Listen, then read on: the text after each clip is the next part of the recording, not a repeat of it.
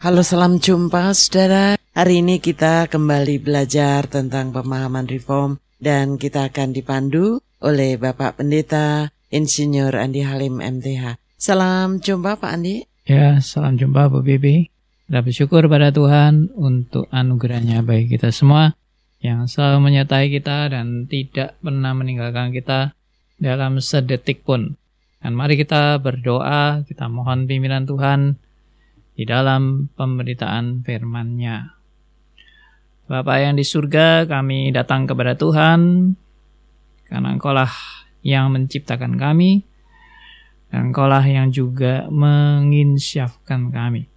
Sehingga kami boleh mengenal Allah yang benar, Allah yang bukan ciptaan manusia, tapi Allah yang datang dan memperkenalkan diri kepada manusia. Kami serahkan ya Tuhan dari awal sampai akhir seluruh diskusi kami. Kiranya sungguh roh kudus bekerja dan membuka pikiran dan hati kami dan mengubah kehidupan kami dari hari ke hari. Kami serahkan doa kami dalam nama Tuhan kami Yesus Kristus, Tuhan dan Juru Selamat kami yang hidup sampai selamanya. Amin.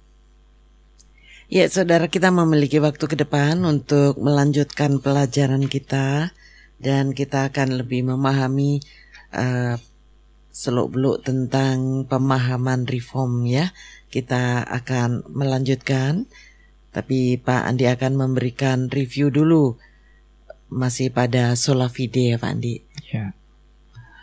Saudara sekalian, kita udah belajar selama ini mengenai uh, hanya melalui iman atau disingkat sola uh, dalam istilah Latin adalah sola fide.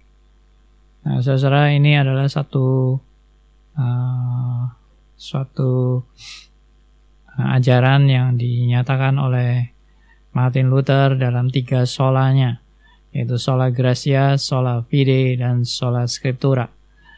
Nah, saudara, uh, kita sudah membahas mengenai sola gracia sampai beberapa kali dan saatnya kita juga akan meneruskan mengenai sola fide yang kita juga sudah bahas beberapa kali.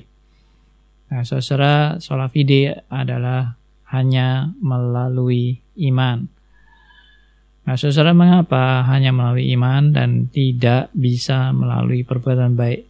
Selama ini kita sudah bahas beberapa kali mengenai uh, alasan-alasan uh, Kenapa iman Kristen tidak mengajarkan perbuatan baik bisa mendatangkan keselamatan? Dan saya tegaskan bahwa iman Kristen tidak pernah mengajarkan perbuatan baik bisa membawa orang pada keselamatan. Dengan kata lain, kalau ada orang Kristen yang mengajarkan bahwa keselamatan bisa diperoleh melalui perbuatan baik, maka itu bukan ajaran iman Kristen. Itu adalah penyimpangan daripada ajaran iman Kristen. Itu adalah uh, adalah uh, ajaran yang bisa dikatakan ajaran yang sesat atau ajaran yang tidak sesuai dengan Alkitab. Karena Alkitab sangat menegaskan bahwa yang diselamatkan bukan orang yang mampu berbuat baik, karena nggak ada seorang pun yang mampu berbuat baik. Tapi orang diselamatkan hanya karena anugerahnya dan melalui imannya. Nah ini sudah sangat tegas sekali dan kita sudah baca berapa kali. Dan mari kita baca berapa kali ayat tersebut uh, sekali lagi. Kita membaca yang pertama dari Injil Yohanes, ayat yang sangat terkenal sekali. Yohanes pasal 3 ayat 16. Ayat ini adalah ayat yang menjadi pokok dari seluruh berita Injil. Ayat ini menjadi ayat yang menjadi pusat daripada seluruh karya Allah dalam sejarah dunia ini. Yohanes 3 ayat 16. Silakan dibaca oleh Bu Pipi. Yohanes 3 ayat 16. Karena begitu besar kasih Allah akan dunia ini, sehingga ia telah mengaruniakan anaknya yang tunggal, supaya setiap orang yang percaya kepadanya tidak binasa, melainkan beroleh hidup yang kekal. Ya, di sini dikatakan bagaimana supaya orang uh, bisa diselamatkan, orang uh, tidak binasa. Yang tidak binasa adalah bukan yang berbuat baik, tapi yang tidak binasa adalah setiap orang yang percaya. Setiap orang yang percaya, bukan orang yang mampu berbuat baik. Karena memang Alkitab bilang nggak ada seorang pun yang mampu berbuat baik, tapi yang percaya saja. Tapi sekarang menjadi pertanyaan adalah kenapa harus percaya baru bisa diselamatkan?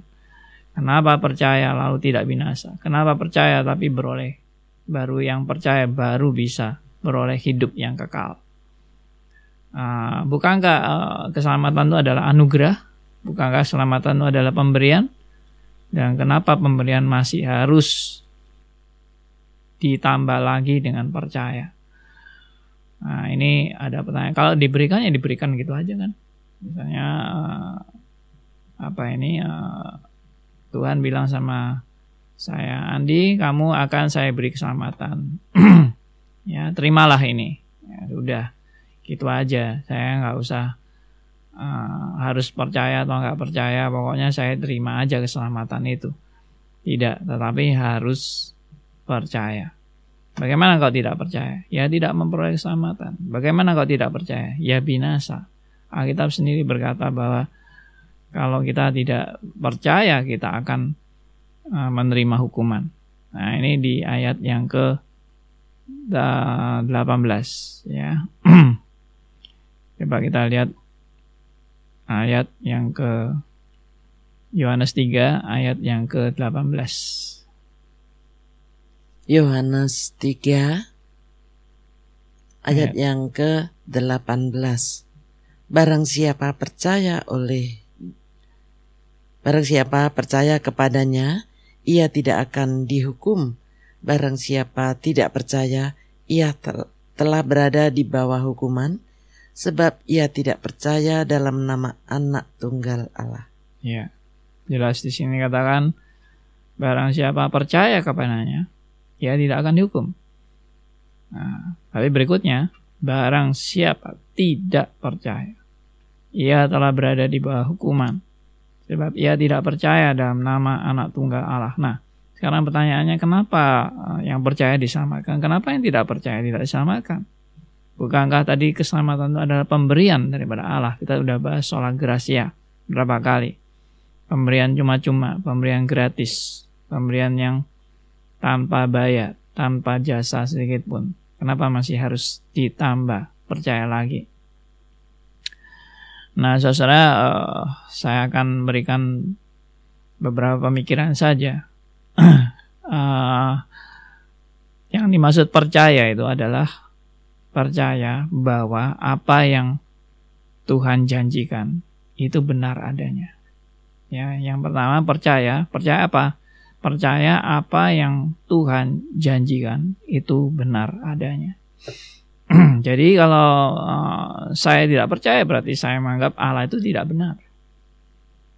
Ya, kalau saya menganggap Allah tidak benar, berarti uh, saya menuduh Allah itu bukan Allah. Ya, dengan kata lain seperti itu. Oke, yang kedua. Saya kalau tidak percaya itu sama identik dengan saya menganggap bahwa uh, penebusan Kristus itu nggak ada gunanya sama sekali. Dengan kata lain, saya dengan tidak percaya, saya menghina karya Kristus di kayu salib.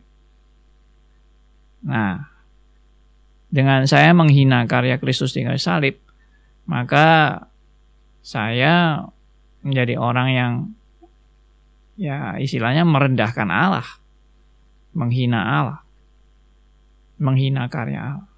Nah itu yang kedua.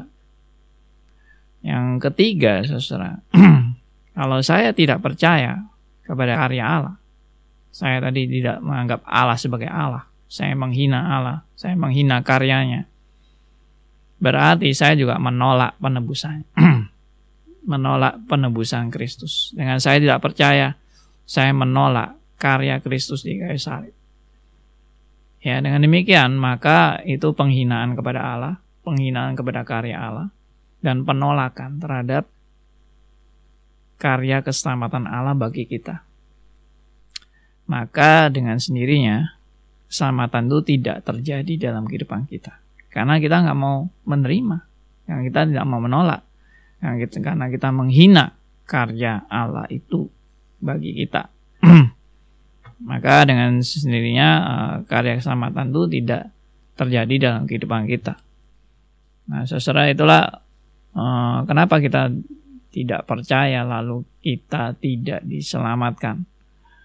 Ya, karena kita memang sudah menolak, kita sudah menghina dan kita uh, meremehkan Allah dalam kehidupan kita. Nah, saudara, uh, ini hal mengenai percaya. Yang berikutnya, uh, percaya itu saya bisa ilustrasikan sebagai satu wadah. Wadah di mana uh, kalau saya haus, saya butuh air. Maka ada orang yang memberi saya air, lalu air itu disiramkan di depan saya.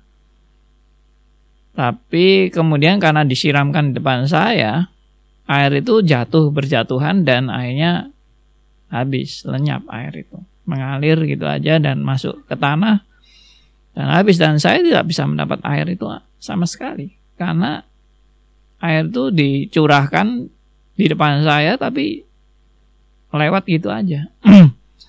nah, bagaimana supaya saya bisa mendapat air itu? Caranya saya harus punya wadah. Entah itu semacam ember atau gelas atau ya semacam itu sehingga air itu tidak berjatuhan ke tanah lalu habis lenyap. Tapi air itu bisa saya tampung dan saya bisa mendapatkan air itu. Nah demikian juga keselamatan. Tuhan memberikan kepada kita keselamatan. Tapi keselamatan itu karena kita nggak punya wadah, maka keselamatan itu lewat gitu aja. Tidak terjadi dalam kehidupan kita. Maka wadahnya itu apa? Wadahnya itu iman. Wadahnya itu adalah percaya. Kalau kita tidak mau percaya, maka keselamatan itu lewat gitu aja. Memang ditawarkan, tapi kita nggak punya wadah untuk menerima keselamatan itu. Nah, wadah sampai keselamatan itu terwujud dan keselamatan itu terjadi secara efektif dalam hidup saudara dan saya, maka kita harus percaya. ya, memang Kristus sudah mati ketika salib. Kristus sudah menuntaskan karyanya. Tapi bagaimana karya itu bisa efektif dalam kehidupan kita? Jalannya adalah percaya. nah, ini ilustrasi yang kedua yang saya sampaikan uh, penjelasan kedua yang saya sampaikan mengenai ilustrasi bahwa uh, percaya atau beriman itu ada, adalah uh, wadah ilustrasi sebagai wadah untuk keselamatan itu bisa kita terima atau keselamatan itu bisa uh, efektif terwujud dalam kehidupan saudara dan saya ya jadi uh, bukan bukan sekedar Kristus mati Kristus mati memang untuk uh, semua orang, tapi semua orang yang bagaimana? Semua orang yang percaya. Dan bagaimana bisa percaya? nah, ini yang ketiga. Nah, percaya itu sendiri itu adalah karunia daripada Tuhan. Percaya itu bukan hasil kehebatan kita, bukan hasil prestasi kita, bukan hasil usaha kita atau kebaikan kita atau jasa kita kepada Tuhan. Sehingga kalau kita nggak percaya pun Tuhan nggak bisa apa-apa untuk menyelamatkan kita. Nah itu ada aliran seperti Armenian yang mengajarkan bahwa uh, keselamatan itu adalah hasil kerjasama, cooperation, hasil kerjasama antara manusia dengan Allah. Jadi uh, bagaimana kita bisa bisa menerima keselamatan itu. Kalau kita tidak mau percaya, maka keselamatan itu tidak terjadi dalam kehidupan kita. Nah, itu seolah-olah uh, yang menentukan saya bisa selamat atau tidak selamat adalah kemam, uh, keputusan saya sendiri untuk mau percaya atau tidak. Nah, itu pandangan itu juga sebenarnya salah. Jadi menentukan keselamatan itu terjadi dalam hidup saya atau tidak itu yang menentukan keselamatan itu bukan saya. Ya, kalau saya yang menentukan berarti seolah-olah ya itu saya yang memang punya kuasa untuk uh, keselamatan itu terjadi dalam hidup saya atau tidak. Kalau saya menolak, maka saya tidak memperoleh keselamatan. Kalau saya menerima, saya akan menerima keselamatan itu berarti keselamatan terjadi dalam kehidupan kita atau tidak tergantung pada keputusan kita. Memang secara fenomena nampaknya seperti itu. Tetapi kalau kita mau perhatikan lebih dalam lagi, sebenarnya kita bisa percaya kepada karya Kristus itu. Itu pun adalah anugerah daripada Tuhan. Karena tidak semua orang bisa percaya dan tidak semua orang mata matanya tercelik bisa melihat kebenaran yang dari Tuhan. Dia dibutakan karena memang orang semua itu sebetulnya pada dasarnya buta rohani, mati rohani dan tidak bisa melihat karya Allah yang luar biasa untuk menyelamatkan kita. Maka kita membutuhkan pertolongan Tuhan, membutuhkan anugerah Tuhan yang bisa mencelikkan mata rohani kita. Yang bisa menyadarkan kita dan menginsyafkan kita untuk datang kepada Allah yang benar. Maka itu pun sampai kita bisa melihat karya Allah itu. Sampai kita bisa percaya pada karya itu. Sampai kita bisa tercelik mata rohani kita melihat karya Allah yang luar biasa. Itu pun anugerah Allah. Maka saudara dan saya bisa percaya kepada Allah itu pun adalah anugerah daripada Tuhan. Bukan karena kehebatan kita, bukan karena kemampuan kita, bukan karena uh, kita yang punya kuasa untuk menentukan mau percaya atau tidak percaya. Tidak, tapi itu adalah karya Roh Kudus dalam hidup saudara dan saya yang sudah melahir barukan saudara dan saya. Ya, itu hal yang ketiga yang saya mau tegaskan mengenai percaya itu adalah anugerah yang daripada Allah. Ya, itu adalah pemberian daripada Tuhan sehingga memampukan saudara dan saya untuk bisa percaya kepada Tuhan. Nah, yang keempat yang saya mau tegaskan mengenai percaya, percaya itu juga adalah trust. Trust itu adalah mempercayakan hidup kepada siapa saya percaya. Nah, atau menyerahkan hidup kepada siapa saya percaya. Atau ada perkataan lain yang mungkin agak agak spektakuler, yaitu saya mempertaruhkan hidup saya kepada siapa saya percaya. Nah, memang kata-kata ini uh, agak spektakuler ya, tapi yang lebih bagus ya mempercayakan hidup kepada siapa saya percaya. Itu trust ya. Jadi sebetulnya inilah arti iman saudara. Iman itu berarti percaya kepada apa yang Allah katakan, janjikan kepada kita. Percaya kepada karya Allah yang Allah sudah perbuat bagi kita. Ya, yaitu karya di kayu salib untuk menebus saudara dan saya. Ya, percaya kepada Allah, apa yang Allah janjikan. Percaya kepada apa yang Allah sudah karyakan bagi hidup saya. Percaya uh, kepada firman-Nya dan percaya itu juga menyerahkan hidup kepada siapa saya percaya. Ada orang yang menuduh iman Kristen. Kata enak enak ya jadi orang Kristen cuma percaya aja lalu langsung diselamatkan. Kalau gitu ya nggak usah berbuat baik nggak usah hmm, apa ini eh, uh, usah uh, berusaha bersungguh-sungguh untuk taat kepada Tuhan toh tetap diselamatkan. Jadi enak jadi orang Kristen itu bisa hidup sembarangan bisa tetap uh, apa ini bahwa nafsu dunia di dilakukan dan dan dan tetap selamat. Nggak masalah itu karena keselamatan itu bukan melalui perbuatan baik. Jadi iman Kristen seolah-olah mengajarkan orang untuk tidak bermoral karena toh tetap selamat. Oh sama sekali tidak. Karena yang dimaksud percaya itu adalah bukan hanya percaya begitu aja. Karena kalau cuma percaya toh ya hanya tahu saja oh ya Allah sudah datang ke dunia dan dan menebus dosa saya titik. Kalau hanya itu yang dimaksud percaya, uh, iblis juga percaya bahwa Allah itu ada. Iblis juga percaya bahwa Allah itu satu saja. Jadi kalau saya cuma percaya gitu aja bahwa Allah itu ada, bahwa Allah itu satu, bahwa Allah mungkin juga sudah menjelma menjadi uh, manusia, cuma itu aja. Tapi saya tidak pernah mempercayakan hidup saya kepada Allah. Nah itu saya belum sungguh-sungguh orang percaya. Karena orang percaya itu seharusnya ya ya itu tadi langkahnya bukan hanya cuma tahu, langkahnya cum, bukan cuma percaya, tapi langkahnya adalah mempercayakan hidup kepada siapa saya percaya. Nah, saya kasih umpama misalnya ada orang menikah, seorang gadis menikah dengan seorang pria.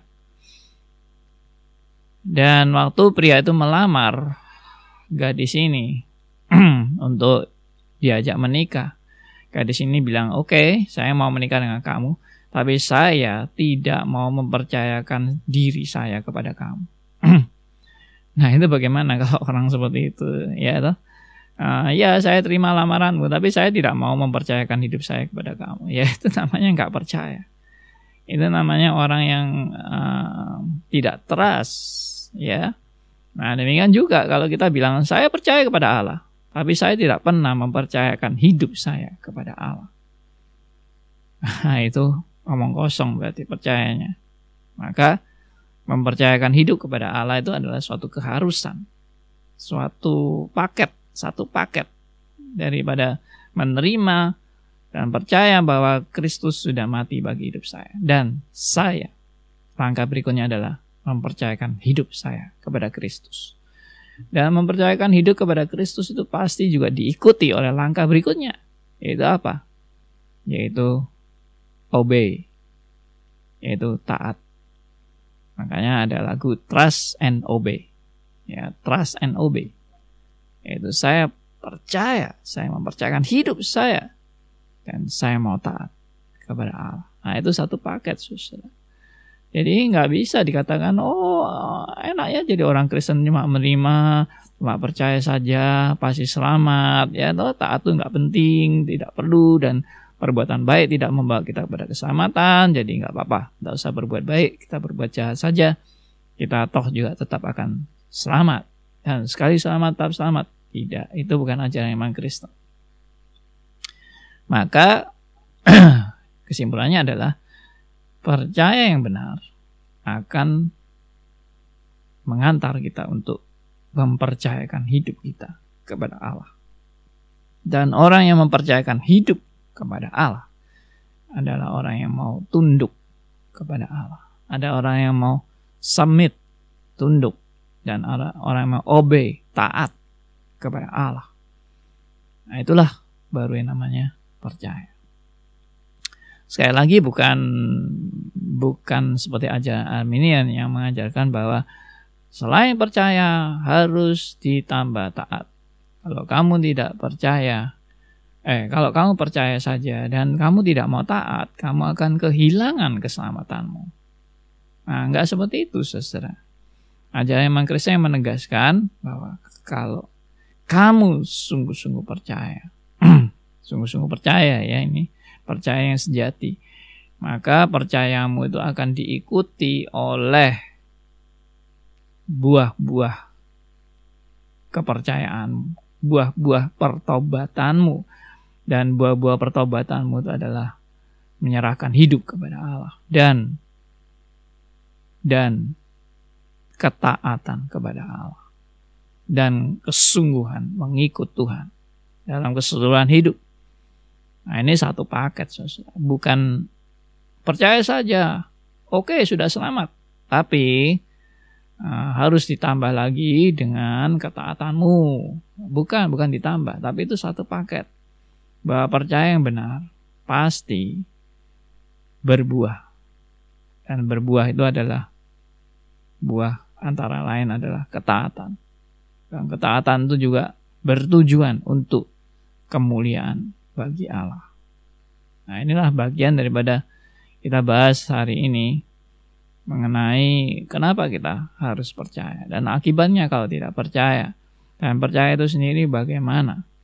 Ya, hakikat percaya itu sendiri bagaimana? Dan kalau kita tidak percaya itu itu itu juga bagaimana? Itu kita kita sudah bahas hari ini. Kiranya ini boleh menguatkan kita dan uh, mengantar kita pada pengertian yang lebih benar lagi mengenai kenapa sih kau hanya percaya saja Ya, sekali lagi, percaya itu juga adalah anugerah Tuhan. Percaya bukan hasil usaha dan kehebatan kita, tetapi itu juga adalah pemberian anugerah daripada Tuhan. Dan saya bisa percaya karena saya sudah dicelikan, saya sudah disadarkan, saya sudah diinsyafkan, ya, saya sudah dilahir barukan dan dilahir barukan itu bukan karya saya juga. Itu adalah karya Allah. Jadi semua adalah sola gracia. Semua adalah anugerahnya. Sampai saya bisa dicelikkan, saya bisa disadarkan, saya bisa diinsyafkan. Sehingga saya pun juga memiliki iman. Sola fide. Itu pun adalah anugerahnya. Kiranya ini boleh menguatkan semua saudara yang mendengarkan dan diteguhkan imannya dan terus berjalan di dalam anugerahnya. Tuhan memberkati kita semua. Saudara kita sudah ditambahkan lagi pemahaman kita tentang sola fide ya. Menegaskan pelajaran kita yang lalu ya Pak Andi ya bahwa percaya ya. itu mempercayakan hidup trust itu mempercayakan hidup kita kepada siapa kita percaya. Nah, kenapa uh, kita harus percaya itu supaya keselamat uh, keselamatan supaya efektif kita harus percaya gitu ya Pak Andi ya. Yeah. Dan supaya efektif terwujud dalam kehidupan kita. Lagi-lagi kita harus eh, diingatkan bahwa percaya itu bukan jasa atau hasil prestasi kita karena itu anugerah meskipun nampaknya itu kadang-kadang uh, kita meyakini bahwa karena kita percaya maka kita diselamatkan gitu ya pak ya hmm. tapi kalau di dikupas lebih lanjut oh percaya itu saja sudah anugerah dari hmm. Allah bukan karena kita gitu ya eh, karena hmm. apa karena ini pak Adi ya kaitannya karena setiap orang buta rohani dan kita butuh Tuhan untuk uh, berkarya supaya mata rohani kita tercelik. Begitu ya maksudnya. Iya, jadi memang kita bisa tercelik itu awalnya karena kita ini buta. Jadi kita ini udah dalam kondisi mati rohani, kita udah dalam kondisi tidak berdaya dan kalau bukan Tuhan yang uh, membangkitkan saya dari kematian rohani, saya nggak bisa apa-apa. Saya tetap mati. Rohani saya mati. Rohani saya hmm, nggak hmm, berfungsi begitu. Jadi buta rohani. Maka untuk saya bisa melihat melihat kebenaran yang datang dari Allah, maka saya perlu dicelikan, saya perlu disadarkan, saya perlu diinsyafkan kalau saya tidak disadarkan, saya tidak diinsyafkan, saya tetap mati. Dan saya tetap buta rohani. Saya tetap tidak mengerti karya keselamatan yang datang dari Allah. Nah itulah yang namanya anugerah. Itulah yang namanya karya roh kudus. Itu yang namanya bukan kehebatan saya. Bukan kemampuan saya. Bukan uh, saya yang mau diselamatkan. Bukan kalau Tuhan tidak menjelikan kita ya kita tetap merasa nggak perlu diselamatkan. Kita merasa mungkin kita mampu untuk menyelamatkan diri kita sendiri. Kita tidak memerlukan pertolongan daripada Tuhan. Kita tidak memerlukan anugerahnya. Kita tidak memerlukan karya Kristus di salib. Kenapa? Saya bisa untuk bisa memperoleh keselamatan. Saya mampu dengan berbuat baik. Saya memperoleh keselamatan. Jadi uh, pengaruh uh, ajaran yang menyimpang daripada Alkitab ini bisa kiri bisa kanan. Maksudnya yang satu begitu optimis saya berbuat baik bisa selamat. Tapi ada juga pesimis yang membinasakan, yaitu waduh saya ini sudah pasti nggak diselamatkan, saya lebih baik bunuh diri aja, misalnya gitu. Ada orang yang seperti itu, ada orang yang uh, benar-benar sudah menyadari bahwa dirinya udah uh, udah istilahnya dibuang, dibuang dan difonis binasa. Sehingga dia sudah nggak ada harapan lagi dan dia langsung bahkan bunuh diri. Ya dunia sudah tidak ada harapan lagi. Dia ambil jalan pintas. Ya seperti Yudas juga bunuh diri. Ya itu itu sudah uh, op, uh, apa pesimis yang berakhir pada kebinasaan. Ya jadi uh, terlalu pesimis sampai uh, menghancurkan diri sendiri dan binasa terlalu optimis tidak memerlukan karya Kristus juga hancur binasa. Nah, itu dua ekstrim yang membawa kita pada kebinasaan. Tapi yang benar adalah saya sadar bahwa saya orang yang membutuhkan pertolongan daripada Tuhan. Saya sadar saya orang yang kalau tidak menerima anugerahnya saya pasti binasa saya saya benar-benar mau datang kepadanya dan saya membutuhkan karya keselamatannya. Nah, itu itu baru baru benar-benar secara efektif keselamatan itu terjadi. Dan kita udah bahas uh, beberapa waktu yang lalu bahwa keselamatan itu sendiri adalah rancangan Allah bagi kita sebelum dunia dijadikan. Jadi bagaimana Allah merancang keselamatan bagi kita sehingga kita bisa menjadi percaya kepadanya. Itu karena belas kasihan Tuhan bagi saudara dan saya. Kalau bukan Tuhan yang memilih saudara dan saya, kita juga akan hanyut, kita juga akan terlenyap. Ya, kita akan uh, hilang, tenggelam dan tidak ada bekasnya lagi.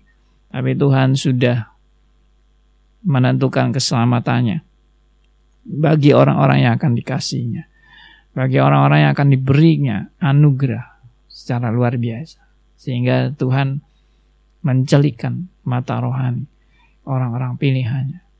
Ya, saudara dan saya bisa percaya itu karena anugerahnya. Ya, dan kembali lagi itu yang membuat saudara dan saya bersyukur. Berterima kasih kepada Tuhan karena belas kasihannya yang luar biasa bagi kita semua. Kalau Tuhan tidak memilih kita, kita habis. Ya, tapi kalau Tuhan pilih kita, itu tidak menyebabkan kita menjadi sombong dan merasa diri kita lebih hebat dari orang lain. No. Tuhan memilih kita bukan karena kita lebih hebat dari orang lain, tapi semata-mata karena belas kasihannya. Semata-mata karena uh, anugerahnya, yaitu tadi. Ya, belas kasihan anugerah ya bukan karena kehebatan atau ke keputusan saya pribadi tidak. Oke, kita sudah belajar eh, kita percaya pun karena anugerah Tuhan. Pak Andi, saya pernah mendapat hadiah sebuah buku ya. Hmm. Dan orang tersebut sekarang mengikuti reform ya. Hmm. Hmm, buku tersebut tentang seorang wanita yang saking sedihnya itu pokoknya ada permasalahan hidup saking sedihnya itu berdoa, Tuhan, kalau doaku kau dengar, doaku ini bisa menembus ruang ini dan hmm. engkau jawab. Nah, seperti itu apa enggak seperti menodong ya Pak Andi? Tapi kalau kemudian Tuhan menunjukkan jawabannya yang bisa membuat akhirnya dia sadar, kemudian dia juga mengabarkan Injil. Bagaimana? Karena kadang-kadang dalam kita sangat terjepit, kadang-kadang doa kita juga begitu loh Pak Andi. Pokoknya saking mohonnya kita. Hmm ingin doa kita didengar Tuhan, kita ingin bukti gitu loh. Hmm. Sehingga menentukan kita percaya bahwa Tuhan itu hmm. mengasihi kita, hmm. baru aku percaya. Ya karena keberdosaan kita. Gitu Pak Andi. Ya, memang kita ini semua nggak ada yang benar. Baik doa-doa kita juga bukan doa yang benar. doa kita sering kali menodong Allah, hmm. memojokkan Allah. Meminta jawaban nah, cepat. Ya, atau ya pokoknya semua itu uh, kita paksakan dan sebagainya. Dan itu egois kita sebetulnya. Sebetulnya kalau mau disimpulkan itu semua doa-doa kita itu egois kita. Kepentingan kita atau uh, nafsu kita sendiri ya dan sebagainya dan sebagainya. Memang ada yang berdalih, oh itu kan tapi itu untuk kebaikan. Tapi tetap sebenarnya ego kita itu. Nah, eh, nah bagaimana menjelaskan hal ini? Memang Tuhan itu yang pasti tidak menuruti ego kita. Tuhan tidak pernah menuruti keinginan-keinginan ego manusia. Kalau Tuhan menuruti ego, keinginan-keinginan ego manusia mah, bayangkan ada mungkin sekitar 7 miliar manusia di dunia ini yang punya ego masing-masing dan Tuhan menuruti segala ego-ego manusia itu. Ya, jadi uh, yang benar bukan bukan prosesnya bukan begitu. Yang benar adalah adalah uh, apa yang Tuhan rencanakan itu yang terjadi, bukan apa yang kita rencanakan yang terjadi. Nah, itu prinsipnya. Kita ambil prinsipnya dulu. Jadi bukan apa yang kita rencanakan yang terjadi, tetapi yang Tuhan rencanakan. Itulah yang terjadi. Ya, bukan apa yang kita mau itu yang terjadi. Tapi apa yang Tuhan mau? Itu yang akan terjadi. Dan bukan Tuhan yang bisa kita atur untuk menuruti keinginan kita. Tapi Tuhan mengatur semuanya agar kehendaknya tergenapi. Nah, jadi ini semua prinsip harus kembali kepada yang benar dulu. Jadi kalau ini prinsipnya nggak benar ya kacau balau semua Berarti Tuhan yang nuruti keinginan kita, Tuhan yang uh, bisa kita atur gitu, Tuhan yang bisa kita paksa, kita pojokkan untuk mau menuruti keinginan-keinginan kita dengan secepatnya dan sebagainya. Ya itu namanya Tuhan tuh jongos kita atau Tuhan tuh budaknya kita, Tuhan tuh kacungnya kita. Ya toh, uh, pesuruhnya kita begitu. Enggak dong. Tuhan adalah Tuhan kita. Dia adalah pemimpin hidup kita. Dia yang dia yang uh, leader kita, ya kan? Dia yang penguasa kita. Itu Tuhan. Bukan kita yang penguasanya Tuhan. Tuhan yang menjadi penguasa kita. Bukan Tuhan yang harus menuruti keinginan kita. Kita yang harus menuruti keinginan Tuhan. Nah, itu itu yang harus benar dulu. Nah, kalau itu sudah benar, udah basicnya udah jelas, maka gimana dengan tadi peristiwa tadi misalnya kita maksa-maksa Tuhan, kita menodong Tuhan, kita minta-minta sama Tuhan. Kalau dibuktikan baru ya, percaya. Kalau dibuktikan baru percaya, ya. Tapi kita harus ingat sebelum Tuhan menjawab apa yang kita tadi nodong-nodong Tuhan itu. Sebelum Tuhan menjawab semua itu, Tuhan sudah berencana sebelumnya untuk mau menuntun kita semua berjalan di jalan yang benar menurut Tuhan. Jadi ada rencana Tuhan dulu sebelum kita melakukan segala sesuatu yang salah itu. Ya, ataupun juga bisa sinkron juga apa yang kita minta ternyata Tuhan juga jalankan. Tapi sebelum kita minta Tuhan tuh sudah punya rencana memang. Bukan gara-gara kita minta Tuhan lalu baru punya rencana. Atau Tuhan baru digerakkan oleh permintaan kita. Enggak, Tuhan dulu yang punya rencana. Dan dalam waktunya Tuhan. dan di dalam juga kebebasan kita tanda petik ya. Kebebasan kita kita mau meminta kepada Tuhan dan memaksakan keinginan kita kepada Tuhan maka Tuhan dalam rencana kekalnya ya memberikan jawaban yang sudah ditetapkan itu sudah direncanakan sebelumnya itu untuk menyelamatkan kita semua untuk apa itu menolong kita untuk mengangkat kita dari lumpur kebutaan kita terhadap kebenaran. Nah, jadi dengan kata lain kita ini memang serba salah. Tapi dalam serba salah itu Tuhan mau menolong kita untuk kita diangkat dan nanti habis diangkat dibentuk dididik, dihajar, makin lama makin tahu yang benar itu yang bagaimana. Ya. Jadi uh, kalau saya analogikan begini. Uh, seorang anak kecil minta-minta sembarangan kepada orang tuanya. Ya. Selama permintaan itu mungkin tidak berbahaya bagi anak itu orang tuanya tanda petik nurutin menurutin tapi maksudnya nurutin ini dalam rangka sebetulnya gak, bukan karena, karena anak ini minta tapi karena orang tua ini sedang mau mendidik anak ini untuk nanti makin lama makin ngerti apa yang benar. Itu dituntun tuh untuk lebih ngerti lebih dewasa. Jadi dalam dunia anak-anak yang ngertinya masih dalam dunia anak-anak. Dan orang tua pun sudah mengarahkan dalam mengerti dunia anak-anak itu porsinya dia itu yang pas ya seperti itu. Untuk porsinya dia. untuk waktu itu.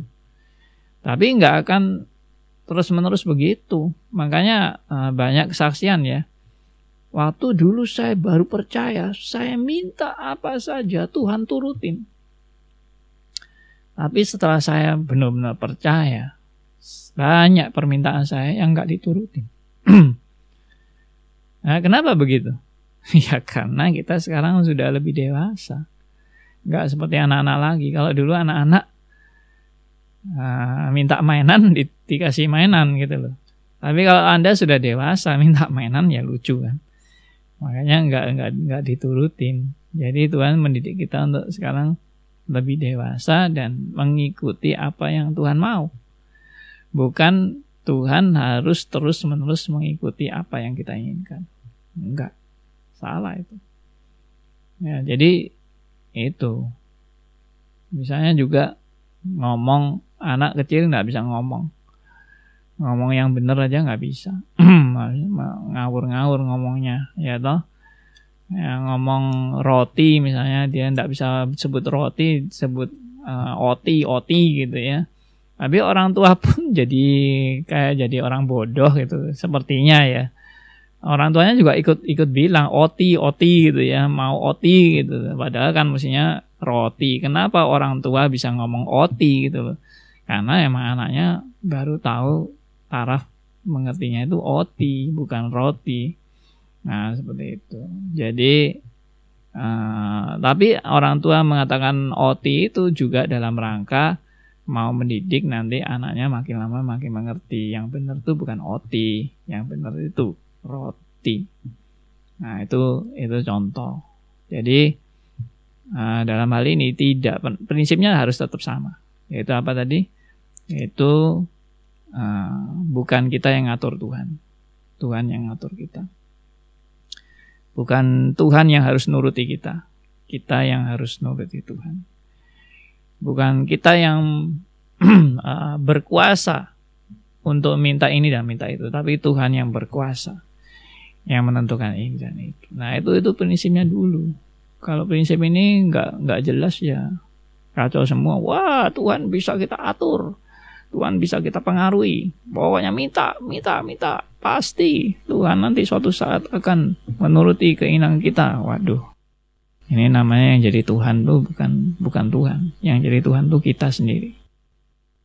Ya.